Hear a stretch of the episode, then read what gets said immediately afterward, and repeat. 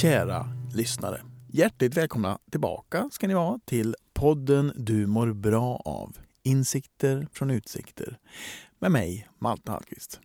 Jag är komiker och föreläsare och ja, sedan två år tillbaka även då poddare. Har kommit fram till det 78 åttonde avsnittet. Och gästen idag heter Henrik Hjält. Denna komiker som har hängt med så länge som man minns nästan dök upp någonstans där vid parlamentet startade för ja, 20 år sedan. Jag har alltid tyckt att Henrik har varit intressant. Sen var han och tittade på min föreställning när jag var på Scalateatern i Stockholm. Och i vimlet efteråt så hörde jag hur han sa en sak som gjorde att jag tyckte att han blev ännu mer intressant. Om detta får ni lyssna på i dagens avsnitt. För nu är det dags att släppa lös avsnitt 78 av Insikter från utsikter med Henrik Hjält. Henrik Hjält växte upp i en ganska akademisk och patriarkalisk familj. Så valet att bli reservofficer och sedan utbilda sig till jurist föll sig ganska naturligt. Men under utbildningen i Uppsala så kände Henrik att han ville något annat. Gruppen Humorator bildades ett komiskt gäng som underhöll studenter på olika sätt och fick sen göra TV åt TV4 Uppland. Det blev startskottet på Henriks karriär, för det följdes av underhållningsuppdrag på SVT som ledde till roliga lekprogram i olika kanaler såsom Högsta domstolen, Extra Extra och Parlamentet. Vad sa hans familj om valet att bli komiker? Hur balanserar han kontrollbehov med improvisation? Och är ett olösligt problem egentligen ett problem? Detta och mycket mer kommer här. Men först så kickar vi!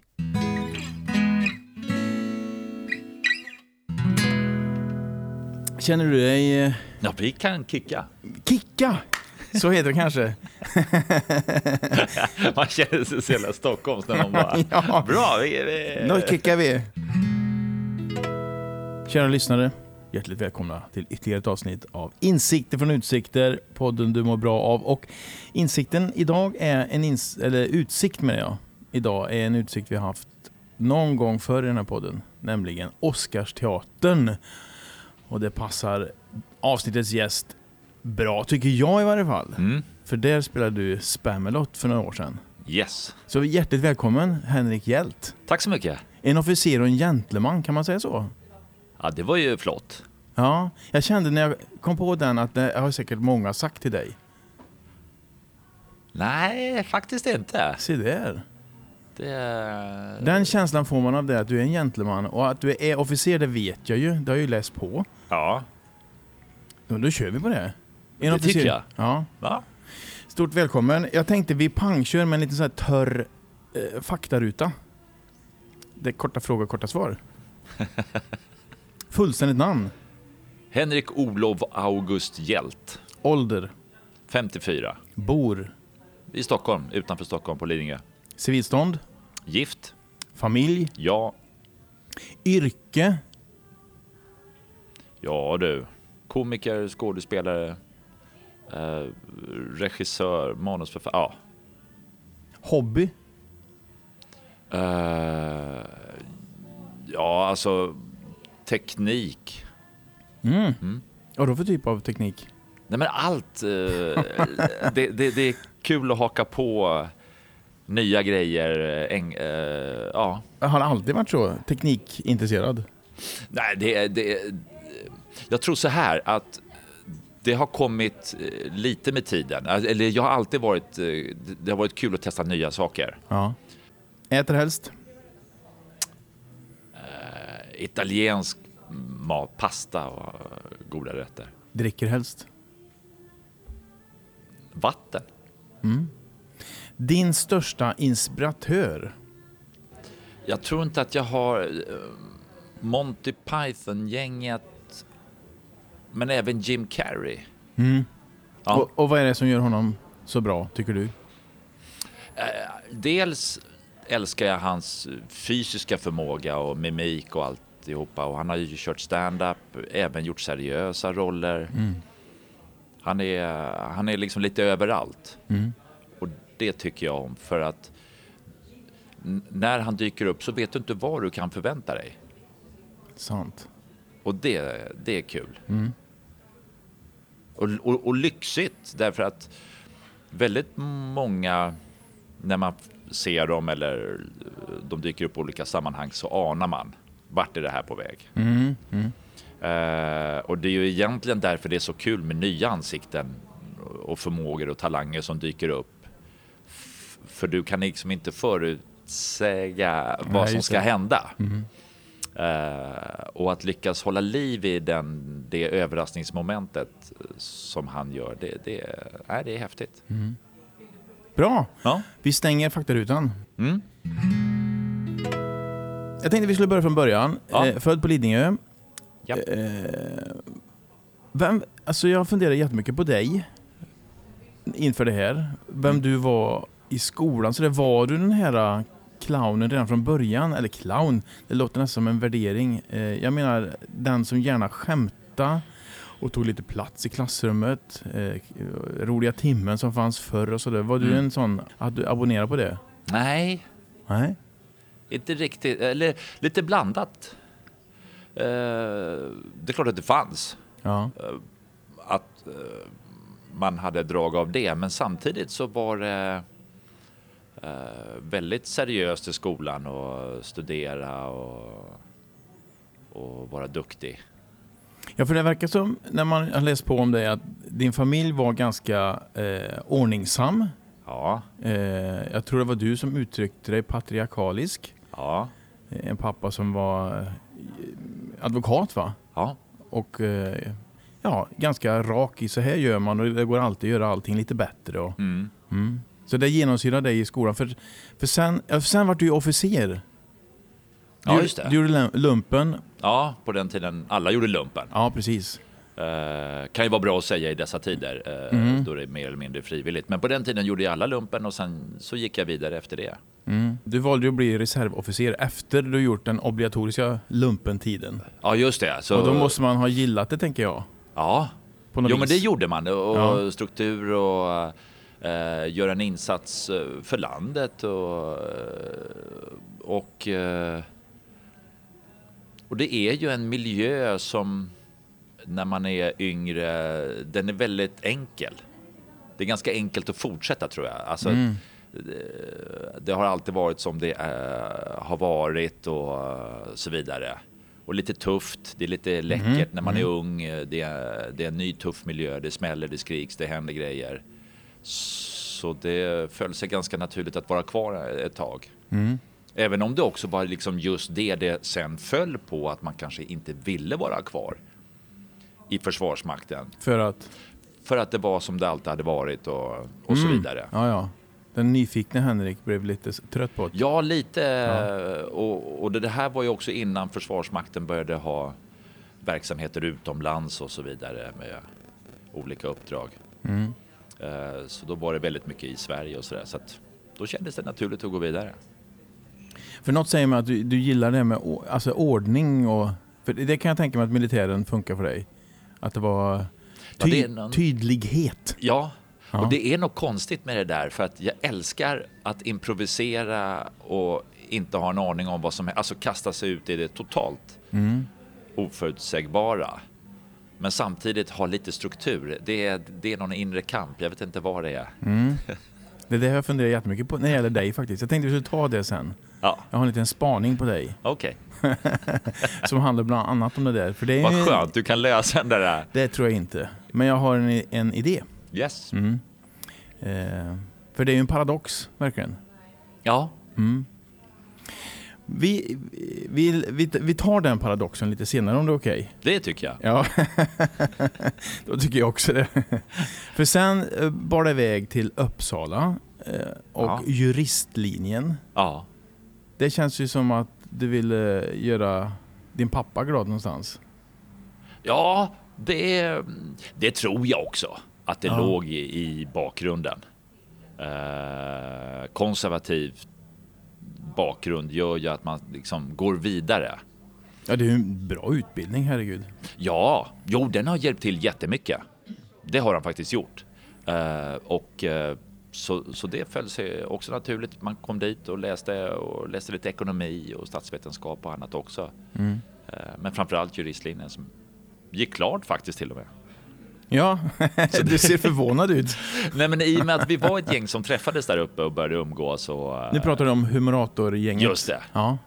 Så, eh, och började göra krogshow och ja, ha väldigt roligt tillsammans. Just det. Eh, Och då fick man ju också upp ögonen för den här nya världen som man inte hade varit inne i. Så det var nära att du inte avslutade juristlinjen? Ja, därför att det tog ju fart. Ja, just det. Då blir det lite... Det är för kul. Ja. Men då kom väl det där gamla tillbaka. Nej, du vet, ordning och reda. Du, Ja. Nu dunka av det där, sen kan du gå vidare. Just det. Mm. Ja, för ni fick göra krogshower och även, eh, om jag läst på rätt, eh, humor för TV4 Uppland. Ja, Och sen händer ju det där eh, som eh, hände förr. SVT beslutar sig för att göra ett nyhetsprogram, humoristiskt, som heter Detta har hänt. mm. Och hör av sig till gänget Humerator. Mm. Så ni får göra riks-TV. ja. det var ju stort. Ja, det är klart. För nu gick vi, alltså det var... Och det, var- och det var ju så professionellt att få komma ner till stora SVT, Just det. huset och studio och så. För att eh, i Uppsala så hade vi ju tillgång till eh, TV4s lilla studio, om man kan kalla det för det. Någon liten jävla hangar. Där vi byggde våra egna scenerier och gjorde vårt eget program. Eh, som hette Centrum i fokus.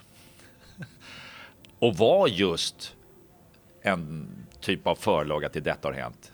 Det var liksom påhittade nyheter där vi gick igenom vad som hade hänt i Uppsala. Okej. Så att, eh, men att få kliva upp Riks var ju, ja, det var häftigt. Ja, det förstår jag. Ja, Jag kommer ihåg programmet. Jag tyckte det var jättekul. Alltså riktigt, riktigt roligt. Jag undrar om det var en sketch, om det var du. Men då skulle eh, någon visa på att rocka gill var inte farligt. Så det var någon Ja. som åt. ja, eh, ja precis. Ja, det var Micke Tornving. Ah, okej. Just det, ja, han drog i sig lite och sen vek sig benen och Ja, alltihopa. visst och kräktes så. Och för er yngre lyssnare så Rocka gill var något tätningsmaterial i Hallandsåsen när de gjorde, när de började göra den här tunneln som blev klar för något år sedan bara. Ja, De höll på tag. ja det, det är väl det dyraste som någonsin har Ja, hänt. jag tror det. Ja, Men det Ja. där håller ni på med i flera år, eller hur? Jag kommer inte ihåg riktigt. ja, ja. Oj, ja, ett par gick det väl i alla fall tror jag. Ja. Därifrån så, så har det blivit filmer och det har blivit eh, massa underhållningsprogram. Extra extra. Eh, Parlamentet har väl varit en jättegrej för dig? Där du, Ja, det har det ju. Där du varit synlig och blivit verkligen folkkär. Eh, ja, åtminstone så... Åtminstone folklig. Ja, eller man har ju blivit eh, känd liksom Ja. genom det. Ja, Ja. absolut. Var du med och, och tog fram det konceptet? nej, det, eller? det, nej, utan det var produktionsbolaget Jarowski. Ja, Okej. Anders S. Nilsson drog igång eh, Mm. det där. För vad jag vill minnas så var det väl ingen jätteenkel start. Det gick så där och Carl Lidbom och Anders Borg och alltså det var... Ja, du, fick den sitta, var- du fick sitta och försvara dig i TV4. Ja, Vad var kritiken? nej, men alltså, det, var, nej, men det var på riktigt politiker som sa i början av eh, parlamentets historia att, att det här är ju inte bra. Det här ger ju en skev bild av vad som händer i riksdagen. Mm. Ungefär som att det, det skulle De förstod vara på, alltså, det, nej. Det var jättekonstigt tyckte vi, men väldigt roligt. Så För då, när började parlamentet? Det vågar jag inte ens svara på. Det är, vad kan det vara? Det är jättelänge Ja, sedan. det är det. För jag vet att 96 så var det premiär på Detta har hänt. Och det måste ju vara lite senare. Kan det vara runt 2000 eller någonting? Ja, Som parlamentet började. Hållit på länge. är det 20 år? 2000, Kan det vara det? Nej, kanske. Ja, Ja, jag törs inte ja, höra. det är. Den har Men det tuffat är- på. Just det. Men där i början så var det då kritik. Ja, Mm. alla har ju sina synpunkter och sina eh, värderingar och, och sådär. Så att, och det är ju jättekul att få gå in och peta i dem med eh, med en pinne som, ja men det är som i en myrstack. Det börjar röra sig liksom. Det är ett jäkla liv. Mm. Så att, men det har betytt mycket. Ja, och det är ju fortfarande aktuellt. Ja. Alltså, det är väl inga planer på att lägga ner det där? Nej, det- alltså, ja, det vet ju inte jag. Nej. Det är, Men du är med där, jag har inte, nu har inte jag sett på ett tag. Men du är med där fortsatt? Då Ja. då? Ja. det har blivit lite av en sån här princip för mig att, att eh, åtminstone något program per säsong är jag Mm. med i. För annars är du ute och kör stand-up nu för tiden, eller vad gör du? Eh, ja, det är ju en av eh, grejerna man gör. Eh, sen har jag ju ett produktionsbolag där vi tittar på eh, TV och... Eller tittar på, eh, där vi jobbar med. Skönt, det lät skönt. Ja, vi sitter och tittar på TV och fakturerar. Ja. Nej men eh, där vi gör ja, reklamfilm, informationsfilm. Är det det som är Planet Nine? Nej? Ja. Ja, okej. Stand-up för dig, det, det var lite nytt för mig när jag läste om dig. Ja, Jag trodde nästan du kom därifrån, men det förstod jag ju. Det var ju ganska sent, typ 2000, ja, var det 2017? 2017 18 där ja. Det hade man ju inte trott. Nej, och jag tror att många, vilket på gott och ont, eh, just tror det och bara, ja, men vad kul. Alltså det blir lite lättare då när man går upp på scen för att köra stand-up om folk tror att Ja, oj, oj, oj, då, då finns har... skrattet i, i lokalen, man lutar sig bakåt lite. Och Ja, det alltså att, att de tror, men eh, nej. Däremot så kommer jag ihåg när jag pluggade i Uppsala att jag var och tittade på eh, jag tror att det var Adde Malmberg, Lenny Mm. Norman, Babben och Ulla Skog. De var ute och körde Mm. stand-up. Och så gick vi ner på teatern och tittade och bara wow, de står med de bara står där med en mikrofon Och kör. och kör. Och suck började komma och slängde i brunnen på tv. Just det. Men det var så nytt. Och då var ju alla igång. De, alltså, Johan Glans, då, alltså många, och, men framförallt Adde och de som då... Det känns som Adde Malmberg och Babben Larsson var väldigt tidiga Ja, i detta. Och lärde sig snabbt och även körde kurser i det. Och ja. häftigt. ja det var superhäftigt. Har du gått någon sån kurs? Nej. Nej, det, det funkar ändå. Folk skrattar. Ja, men vad jag gjorde var att jag bara, okej, det är så man gör. Eh, Tänkte jag. Hur Så- gör man då? Så jag körde lite i Uppsala. Och då, eh, typ då stand-up, fast det hette ju inte stand-up. En kul kille med mikrofon. Mm. Och så fick jag lite uppdrag och stod nere på Saluhallen på helgerna. Eh, Det var en restaurang som låg där. Och, och, så det var väl lite av en variant av stand-up, men som inte var så formaterad och, och då med det kanske också lite mer förlåtande. Mm. Att ja, men det är ju bara, det är bara en skön kille med en mick. Mm. Medan idag så har det ju blivit en, en bransch och karriär och fantastiskt duktiga människor. Ja. Och ganska hårt tillskruvat. Det är mycket skratt. Det ska vara snabba, eh, snabba puckar tycker jag när man tittar. Jag blir extremt imponerad. Ja, det, ja, det finns otroligt. Sen har ju alla sin stil. Vissa Jo, är mer jo. berättande, Ja, där är ja. färre, det är, det är glesare mellan skratten, Ja, men ändå att man är med hela tiden och lyssnar. För det är, det är tankar, funderingar och budskap som är så värdefulla så man inte vill skratta bort dem. just det. Sen har du gjort film också. Och du har gjort Mm. serier. Och... Ja, Kan man plocka ut något som har varit roligast? Ehm, nej men jag skulle vilja säga att allt har varit fantastiskt att få vara med på därför att det är olika format. Mm. Om man tar, eh, precis som i stand-up så kan vi ta till exempel Parlamentet. Där måste du vara rolig på väldigt kort tid. Yes. När du får ordet, du har på dig någonstans mellan tre och sex meningar. Sen ska det vara kul. Mm. Och- Hur mycket skriver man innan? Eh, det är en fantastisk manusgrupp som jobbar med det och Ja. tar fram ämnena och så får man reda på vilka är för eller emot olika ämnen och sen så får man hjälp så att eh, annars hade det nog inte kunnat överleva. Ja, det känns... För jag, jag har tänkt på det när man ser, mm, som dig eller andra människor som är med så ofta. Hur orkar man skriva så mycket nytt?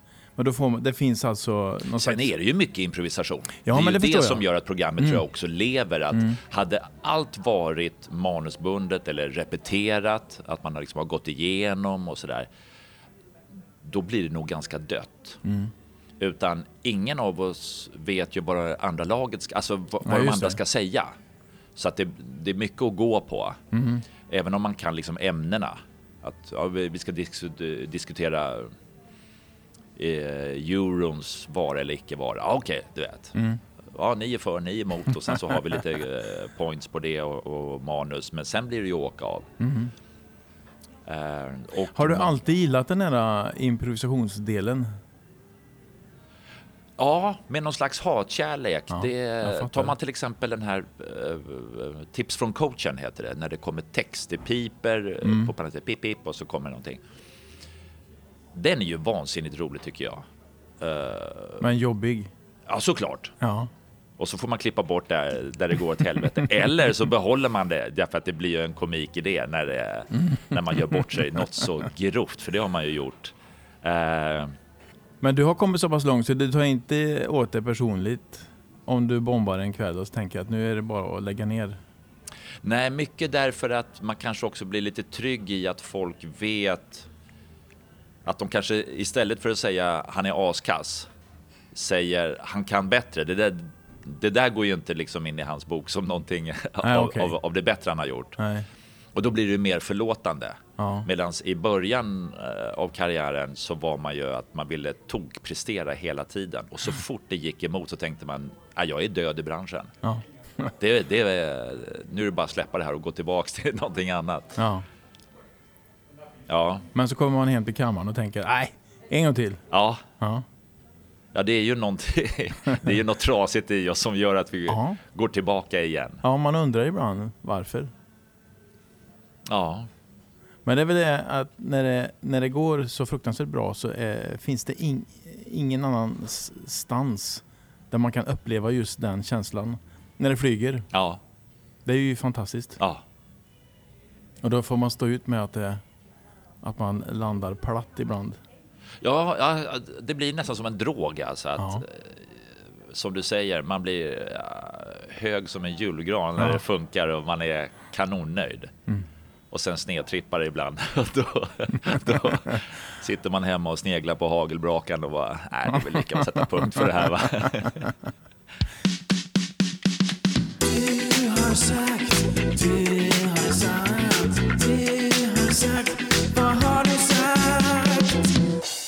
Vad var det du sa? I min podd så har jag en eh, liten eh, pusselbit som heter Du har sagt. Du har sagt, Du har sagt. Så jag har samlat lite Henrik Hjelt-citat oj, som jag tänkte att du kunde få ge lite mer kött på benen. Eller förklara. eller ta avstånd ifrån. Ja, det kan till och med vara så. Ta fram hagelbrakan, helt enkelt. Du har sagt, ett problem som inte går att lösa är inget problem. Ja. Kan du förklara? Ja, eh, det där... eh, Jag har en förele- eller jag är ute och föreläser också Mm. i eh, hur jag resonerar när man byter bana eller går vidare och sådär. Men då är det ju bland annat det här att ett, ett problem som inte går att lösa är ju inte ett problem per definition. För att problem löser vi. Mm. Om det inte är ett olösligt problem. Och, och, och i min värld finns det inte någonting sånt, utan då heter det att det är en faktisk omständighet. Det, är, det är någonting som har uppstått. Och kan du inte lösa det, stå inte kvar där och försök, utan jobba dig runt det. Kan du ge något exempel? Där du har gjort sådär? Eh, corona som kom. Det är liksom, ja det är ett problem. Jag får inte vara ute och köra live. Ja, det stämmer. Men är det ett problem? Därför att du kan ju inte lösa det. Nej. Det ligger inte i våra händer. Det är Folkhälsomyndigheten och regeringen tar beslut. Okej, fine. Då, då, då är det inte ett problem, utan det är en omständighet jag måste ta hänsyn till. Hur gör jag då? Jo, då kanske jag kan filma min stand-up och lägga upp på olika kanaler. Eh, jag kan börja med någon annan verksamhet. Alltså jobba mig runt det som jag upplever som ett problem. Men det är ju ganska moget att komma dit, tycker jag, för att många fastnar nog och tycker att det är ett problem. Ja, Och så blir man kvar där. just det. Så det, det, jag eh, gi- gillar det verkligen. Ja, vad kul. Eh, Men det kräver ju också att man verkligen går vidare. Ja, och också våga acceptera att det får ta fram nya sidor av dig själv. För att de flesta som står kvar och säger så här, nej men det här är ett problem, jag jobbar vidare med det här och står här och slår, dunkar pannan i problemet. Det är därför att man vill vara kvar där man är. Det är bekvämt egentligen att göra det man alltid har gjort. Inte liksom för att om du ska jobba dig runt den här nya omständigheten så måste du hitta nya vägar av dig själv också. Okej, nu måste jag helt plötsligt kasta mig ut i någonting som är helt nytt för mig. Och rädslan för att göra det och för att kanske misslyckas där eller vad det nu kan bero på gör att man hellre står kvar stirrar sig blind på det man kallar för problemet. Just det. Nu kommer vi faktiskt väldigt snyggt in på nästa citat. Oj, Ja. Eh, kameran är ett dött öga. Att agera framför kameran tycker jag är svårt. mm. Och då, för då tänker jag på det här med corona. För när jag läste det där tänkte jag hur... För jag gjorde också såna här digitala eh, föreläsningar och... Mm. Jag tyckte det, det, det var inget kul. Det Nej, var, visst är det. Nej, det, så, alltså, det gick ganska bra om man fick se de som lyssnar. Det går ju liksom att sätta upp dem så man kan se dem i någon rutnät eller att de sitter i någon sån digital biosalong eller så. Ja. Men det var en, ett par jobb där jag såg ingen. Jag hörde ingen och skulle ha på i kanske 45 minuter. Alltså, jag trodde jag skulle kräkas till slut. Ja. Det var som att stå och repetera hemma i vardagsrummet. Helt tyst. Man drog en något skämt och så, jaha, det var det. Eh, Ska jag vänta en stund och kanske den skrattar eller ska jag gå på? Eller, Ja. Men jag har ju in, ingen, det blir lik, liksom ingen dynamik i det. Hur gjorde, hur gjorde du? Nej, alltså det, det, det där är ju... Ja, jag tyckte det var hemskt också. Därför att man, man tänker så här att okej, ska, jag, ska jag förstärka ett skämt genom att småskratta åt det själv för, för att få dem att fatta liksom, det här var kul. Och det finns ju inget värre än de som skrattar åt sina egna skämt. Så att, nej, det gör man ju inte. Nej, men jag upplevde att man till slut började få här tankar att jag har ingen alltså de har kanske stängt av allihopa. Jag står här och kör i en Ja, död lina känns- som ja. bara... De har, de, har, de har lagt av, de går och kollar vad som finns i kylen. Ja. Och så står du där i din dina Så 45. sorgligt. Ja, det är så tragiskt. Det här är faktiskt en livesägning av dig Okej. som jag hörde. Du hade varit på min föreställning. Ja. Jag kommer in i foajén i Skala, ska iväg och sälja massa merch. Och går förbi ditt gäng. Eh, och så säger du, jo men det var bra, men... Ja. Och så blir du tyst för att få syn på mig. Och då tänker jag, ska jag... Du är ju ett stort föredöme. Här kan jag Jaha. lära mig någonting, Ja. tänker jag. Ja. Ska jag... Ska... Men du kom inte fram. Nej, jag tänkte, jag, jag går och säljer merch. jag tjänar, jag går bort och tjänar pengar istället för Jag tror jag att lyssna på den där jävla tomten. Nej, jag tänkte det kanske blir, det kanske blir jobbig stämning om jag, Jaså? om jag frågar. Så den har jag sparat till nu istället. Jaha, okej. Kommer du ihåg vad det var? Eh, jag, alltså man är ju störd. Vi ger ju det i vår bransch. Vi går och tittar på varandra och man tycker till och man vill liksom kliva in, regissera. Och man är ju också egoistisk i form av att när man tittar på något och sen så upplever du ett parti i någonting som är jävligt bra så vill man ju ha mer av det. Ja, nu ska jag bara minnas vad det var, men du var inne på olika budskap och du tog upp om dig själv, men det var någonstans jag kände att där man hittade ett frö där man liksom säger vänta, där, där, där vill jag ha mer. Och det kanske inte alltid är så roligt, alltså vi jagar ju skrattet ibland. Ja, ibland så. Men, ja. Och sen- Men jag, är, jag gillar ju när det får ta lite tid. Ja, och det var... Jag kommer inte ihåg partiet Ah, i föreställningen. Jag skulle men, ha frågat Men det kommer jag komma på. Ja, du skulle ha kommit fram direkt och bara Ja. wow. För just det där att när man märker att någon klarar av bågarna som man kallar det för, det vill säga att det är roligt och så är det inte så roligt. Och där upplever jag att man ska våga gå ner ibland. Eh, Öppna nya dörrar, inte bara välja liksom skrattet utan liksom våga vara lite obekväm, s- pilla på skorpan liksom. Absolut. Men det bygger också på att du har självförtroende nog att du vet att jo men jag orkar komma tillbaka. Men eh, om och när du kommer på vad det var, Ja, så hör av dig. det kommer jag göra. Jag ångrar nu att jag inte hörde av mig direkt. Jag vart ju nyfiken på riktigt, inte för att jag blev sur eller arg, utan här, här sitter det en, en Ja. komiker som har hållit på många, många, många år och kan massa saker. Sen så är det inte säkert att vi håller med varandra, men jag hade Nej, ju nej. gärna Ja. velat lyssna. Ja, Eh, men så kände jag också, vi har ju aldrig pratat Nej. förut. Och det satt du med ett gäng som jag heller aldrig pratat med. Ska jag stoppa in huvudet och säga Hallå där, vad menar du nu? ja, det var ju din kväll. Du ägde ju hela situationen egentligen. Ja. Men man gör ju inte det. Nej, för det känns Nej. som att jag har klivit av scen nu. Nu är det liksom... Det var ju i själva vimlet där efteråt. Ja, Nästa gång du Henrik. så. då ska... Eller om jag kommer på det här. Ja. Men du, du hade ju partier där du pratade med publiken när man skulle hålla på med yrken och... Mm. Mm. Det var nog där. Det var nog det jag tänkte på. När jag sa män. Mm.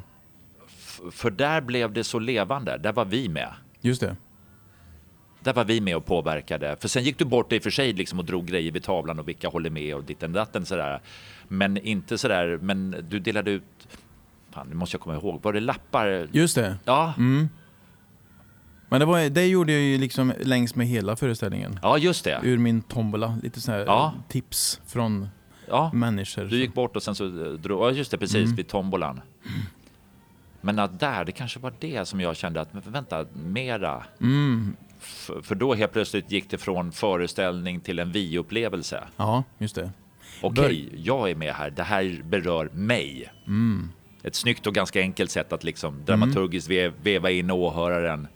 Att du är inte bara här för att titta utan du, du är här för att kanske ta med dig någonting eller tycka till. Eller... Exakt.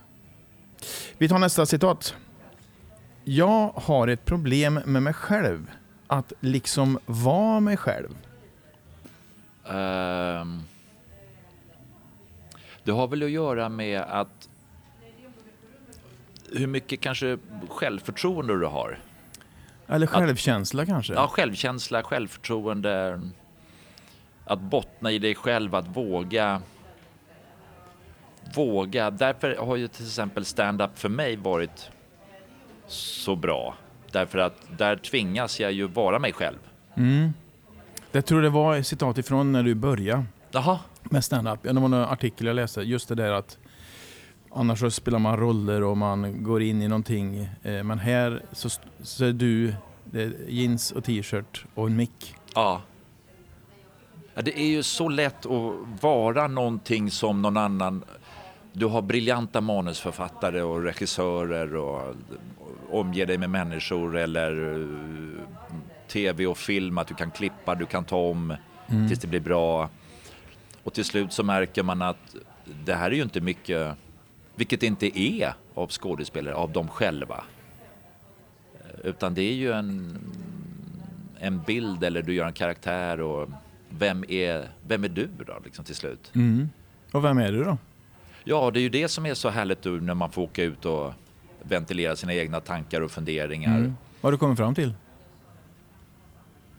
Ja, jag tror att, eller ja, det går ju inte att sätta ord på sig själv på så sätt, alltså vem är jag? Utan Ja. mer att jag ändå får visa att, jo men jag har en del tankar och funderingar här. Och framförallt vad jag märkt är att jag vågar vara det. Till slut. Mm. Att inte vara till lags och bekväm för alla och, och Bra där.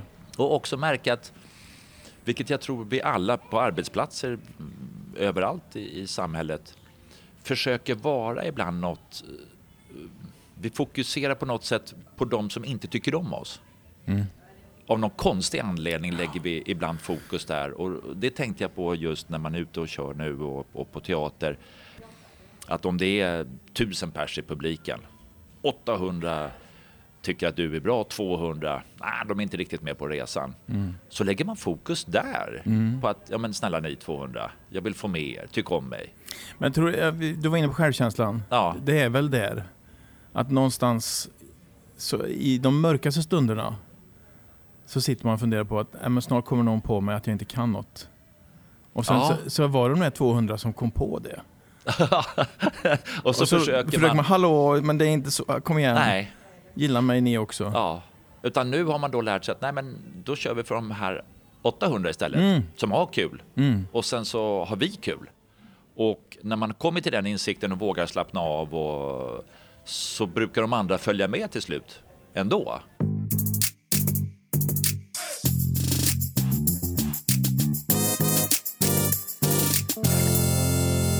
Sponsorsnack. Det var så nära att min första bil blev en BMW. Året var 1986. Jag hade just tagit körkort och där stod den. En orange BMW. Modell 2002 på Åkergatan 1 i Kil. Den kostade 3600 kronor. Vilket var exakt allt jag ägde och hade. Så det blev inget. Jag skulle inte haft råd att tanka den ens en gång. Och sen dess har jag haft den känslan. En BMW kostar allt jag har. Jag har inte råd. Tills jag fick ett underhållningsuppdrag på Autovox i Karlstad. Alltså BMW i Karlstad skulle man kunna säga. Ja, nu sa jag det också. En säljare tog tag i mig och fixade ett avtal och plötsligt så stod jag där med en leasad BMW 320 som var billigare än den bilen jag hade innan. Kanske den billigaste bilen jag någonsin ägt. Vi pratar guldkant här. Vi pratar ren körglädje. Bara gå in på Autovox Karlstad känns så lyxigt. Otroligt trevlig personal, en fantastisk restaurang och massa fina bilar som man kan leasa till en bra peng. Så åk dit en sväng. Ta en kopp och kolla läget. För Autovox i Karlstad erbjuder det ultimata köpet.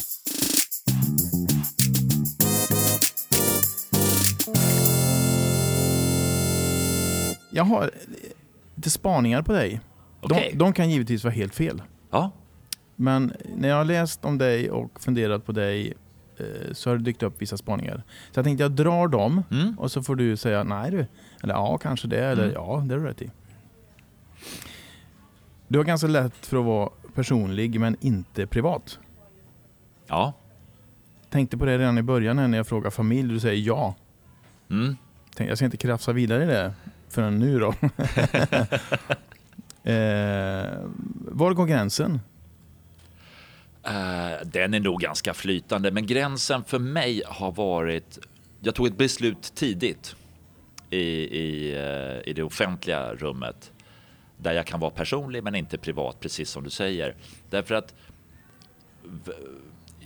därför att min utgångspunkt är att i grund och botten så spelar det ingen roll vem som är min fru, vilka som är mina barn, hur jag bor och mina kanske innersta delar för publiken vill ha kul eller de vill se någonting. Mm. Men jag kan också tänka mig att det finns människor som är intresserade av människan Henrik. Inte bara Hen- Oh ja. Henriks skämt Ja. utan... Nej men den öppnar jag ju upp nu till exempel Ja, när vi sitter absolut. och pratar och sådär. Mm.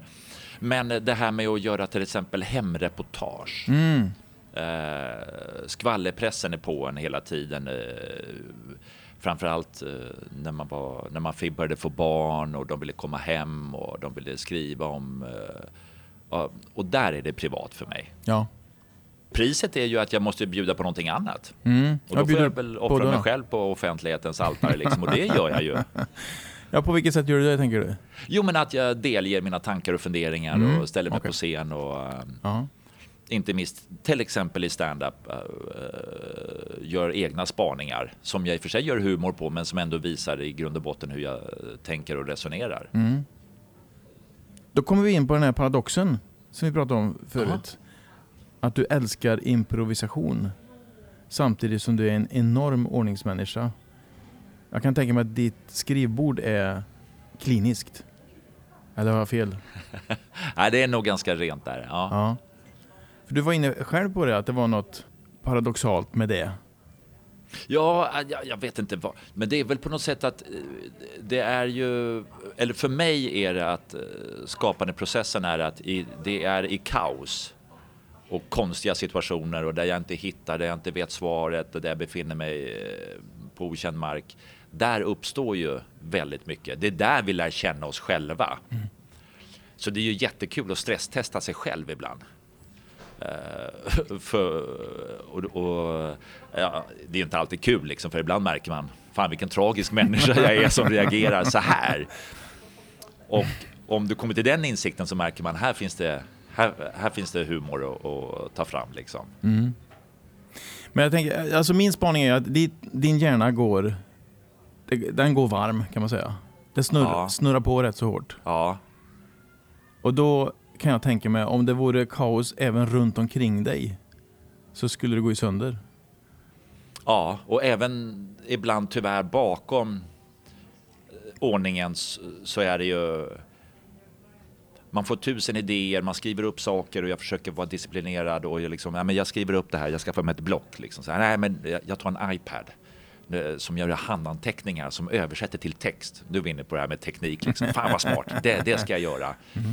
Och sen går det trådlöst dit och det samlas där. Du vet. Men sen när man då tittar på liksom skrivbordet på datorn så är det ju 3000 mappar och dokument till höger och så bara, fan jag har ingen struktur. Och så får man... så det är en jäkla blandning. Ja. Ja, det, förvå- det förvånar mig inte. Nej, ja, du känner kanske igen dig? Ja, absolut. Eller hur? Man försöker strukturera, annars blir det stökigt. Och... En spaning till, att det bor lite jantelag i dig. Både, jag, har, jag kommer ihåg, jag lyssnade på en podd för länge, länge, länge sedan.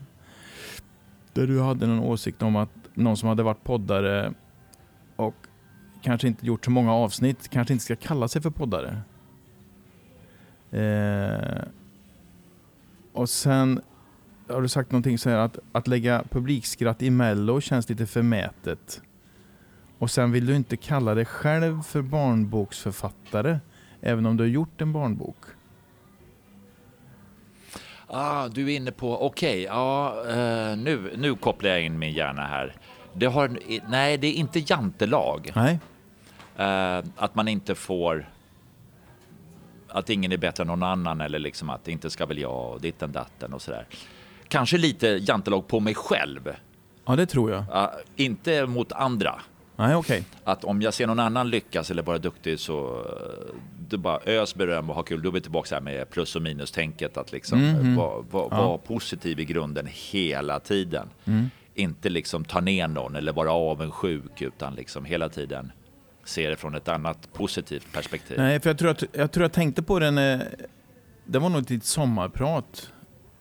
Som du liksom duckade för att kalla dig själv för eh, barnboksförfattare. Ja. Fast du har gjort en barnbok.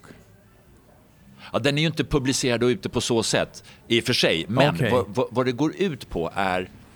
Jag tror att jag har fått med mig det liksom från att, att, att om du har utbildat dig till officer så har du ju gått igenom en jävligt jobbig utbildning. Fysiskt utmanande och samma sak med olika verksamheter vi hade inom Försvarsmakten. Så tar du ut dig totalt, både liksom fysiskt och mentalt. Du ska plugga, du ska vara duktig, du ska kunna oerhört mycket teori men du ska också liksom leverera tokbra fysiskt. Efter det kommer man till ju- juristlinjen. Du kan inte bara kalla dig jurist, det är, en, liksom, det är flera års utbildning. Och när jag kom då till den här nya världen och så står någon och säger jag är skådespelare. Jaha, vad kul. Jag ber om ursäkt att jag inte eh, kan placera dig på, liksom, på kartan. Du har, ja, jag var med i Paradise Hotel. Ah, ja, okej. Då blir det för mig inte någon jantelag, men liksom jag har en respekt för eh, vad folk är och yrken. Liksom att, att om du talar med vem som helst, en busschaufför som har kört buss i 20 år. Det är en fantastisk kompetens. Han vet precis hur trafiken funkar, var, hur han ska göra, en brevbärare eller vem det än är. En yrkesstolthet, en, en kunskap man ska ha respekt för. Så jag är nog, eh, alltså det är absolut inte meningen att racka ner Ja, okej. sådär, typ att ja, jag, är, jag är poddare, ja vad kul. Eller så är du någon som Poddar. som gillar podd just nu. Men om man tar någon som har poddat 100 avsnitt. Ja, det kanske är... För Är- så mäter jag mig själv hela tiden. Okej, Att- är jag poddare? Jag är uppe i 70 avsnitt. Ja, det är det ju. Okej, Ja. vad skönt. Men det där, det där kan också vara någonting som är sagt om mig liksom därför att någon hör av sig bara, eh, vill du vara med i en podd liksom? Jag ringer Ja. dig, ställer tre frågor. Okej. Ja, okej. Alltså att det blir inte Ja, vi pratar kompetens här hör jag. ja, kompetens eller hantverk eller liksom, va- va- liksom, Jag fattar. ja.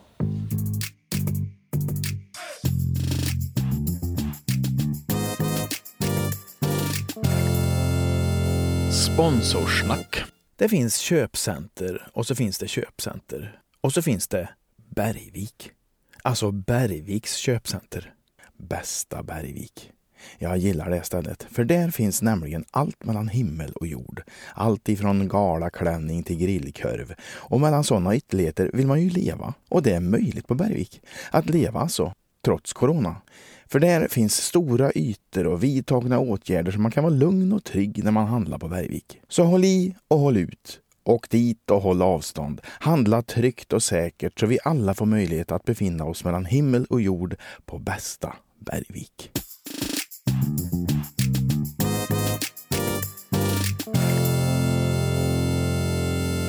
En annan spaning är att din pappa betyder mycket för dig. Ja. Mm, på vilket sätt? Eh, på, på, på gott och ont, som alltid. Liksom. Man, eh, Det har ju varit extremt pushande eh, och det, det har ju givit en drivkraft. Att allt går att göra lite bättre eller sådär. Och, eh, han har och varit ganska så bestämd och konservativ. Ja, för jag har förstått att, det, att, att du blev då underhållare, komiker. Det var inte bara positiva Nej, nej, tongångar Nej. I, i början. Åtminstone. Nej, och, och, eh, och så tar man åt sig och man tycker och tänker och sen så går åren och så inser jag när man blir lite äldre så börjar jag förstå hur han tänkte. Mm. Det här var någonting nytt för honom, han förstod inte. Eh, Det, det har inte funnits i hans värld. Eh, Och det började ju så bra. Eh, Med juristlinjen. min, min, min son var eh, officer i marinen och liksom, titta han är fartygschef och nu är han jurist och han kan bli advokat och det här är ju... Mm. Och så bara, nej, jag ska kasta mig in i en bransch där. min pappa har ju gått igenom väldigt mycket. Han har Mm. varit med i olika krig och sådär och liksom sprungit ner i bombrummen i London eh, och flydde därifrån till Helsingfors och där, ja, då började ryssen bomba, då är det ner i nya bombrum och sen kom han som flyktingbarn till Sverige Mm. Utan föräldrar och bara liksom stod där mer eller mindre på en bananlåda på Skeppsbron och blev utlottad. Så att med det perspektivet så är ju inget givet och livet är inte en räkmacka. Nej, jag Eh, förstår. Han, har, men- han har gjort det ganska bra. Ja, det, det får man liksom Ja, verkligen. verkligen. hatten av och sådär. Och sen är ju hans värderingar kvar i livet. Mhm. Oaktat hur bra han än har fått det bekväma Sverigelivet sen. Mm. Men för en ung eh, svensk kille att växa upp i ett tryggt samhälle där liksom, Men han lever fortfarande. ja, Ja. Och, och nu har han liksom omfamnat ditt yrkesval. Och, ja det gjorde han ju efter ett tag Ja. när han förstod att okej, Mm. d- my bad, det, det, här är, det här är ett jobb. Mm.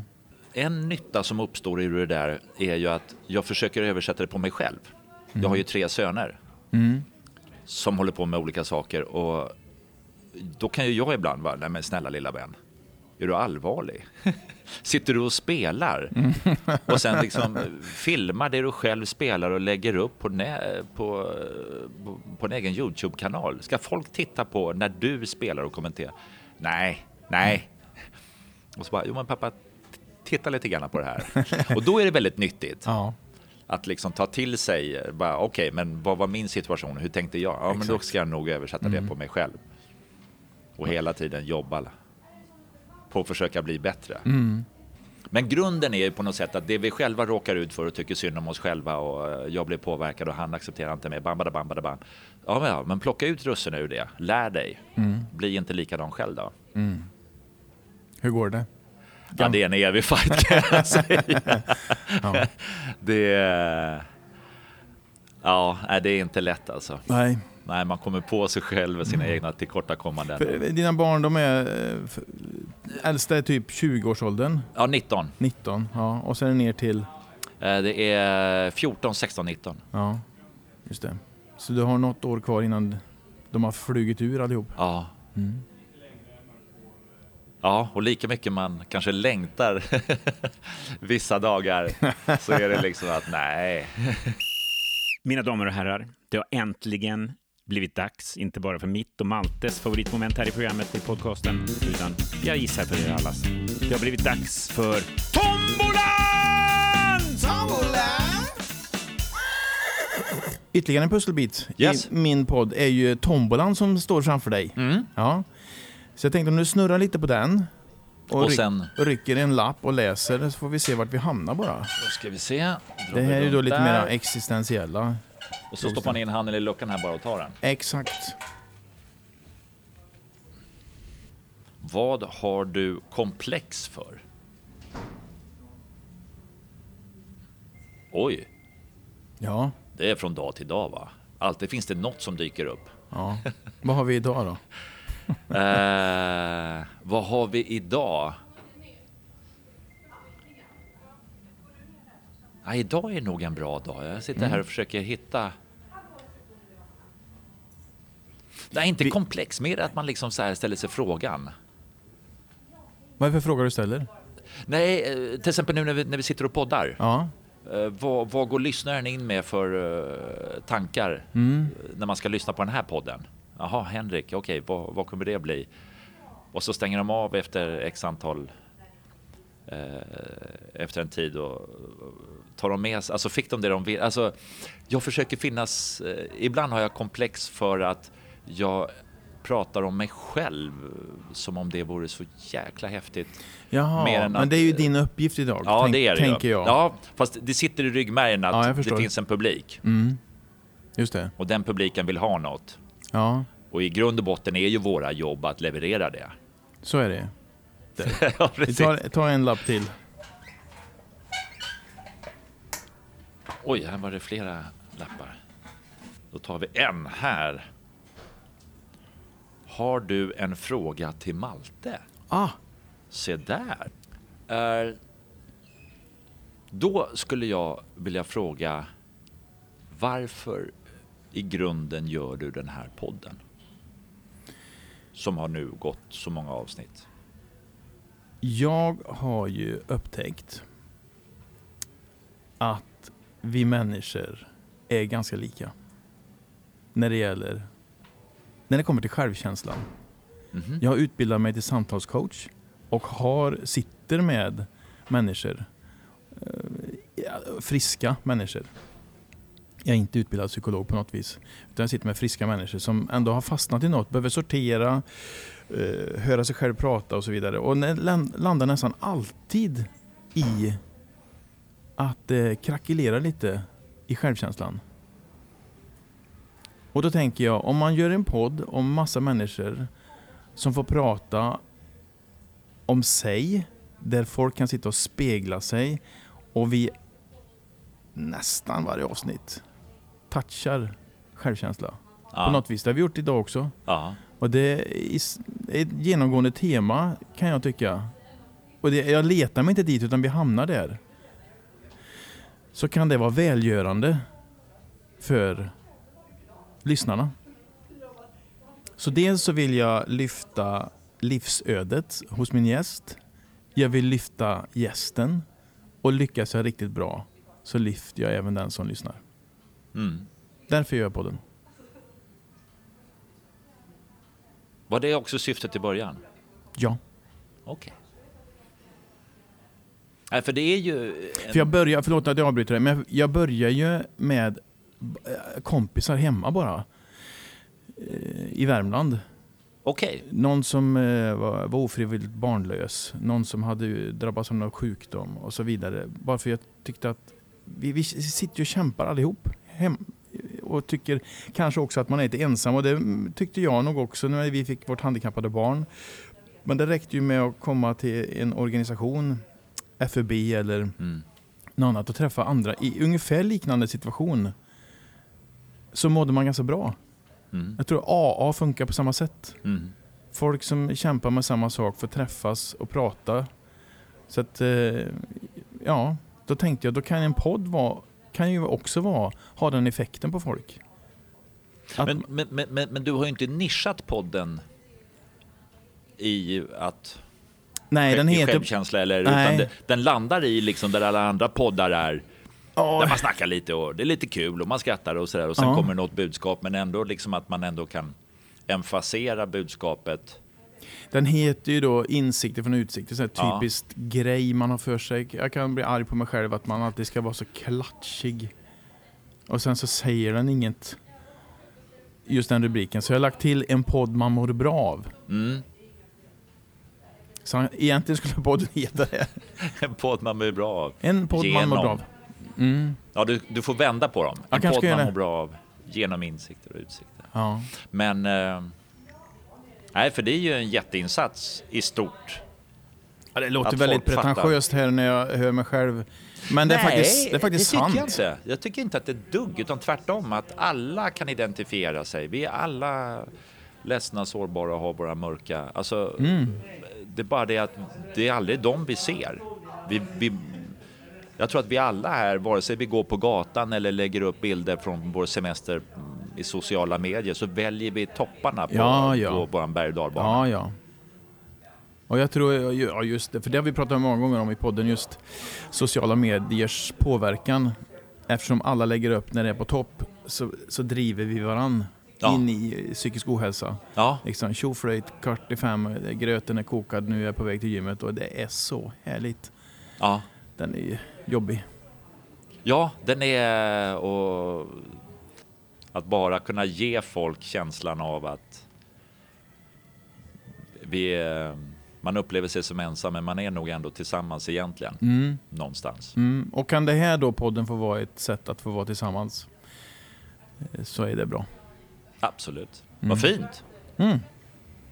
Ska vi ta en sista och så Yes. ska vi gå in i någon slags avslutning sen?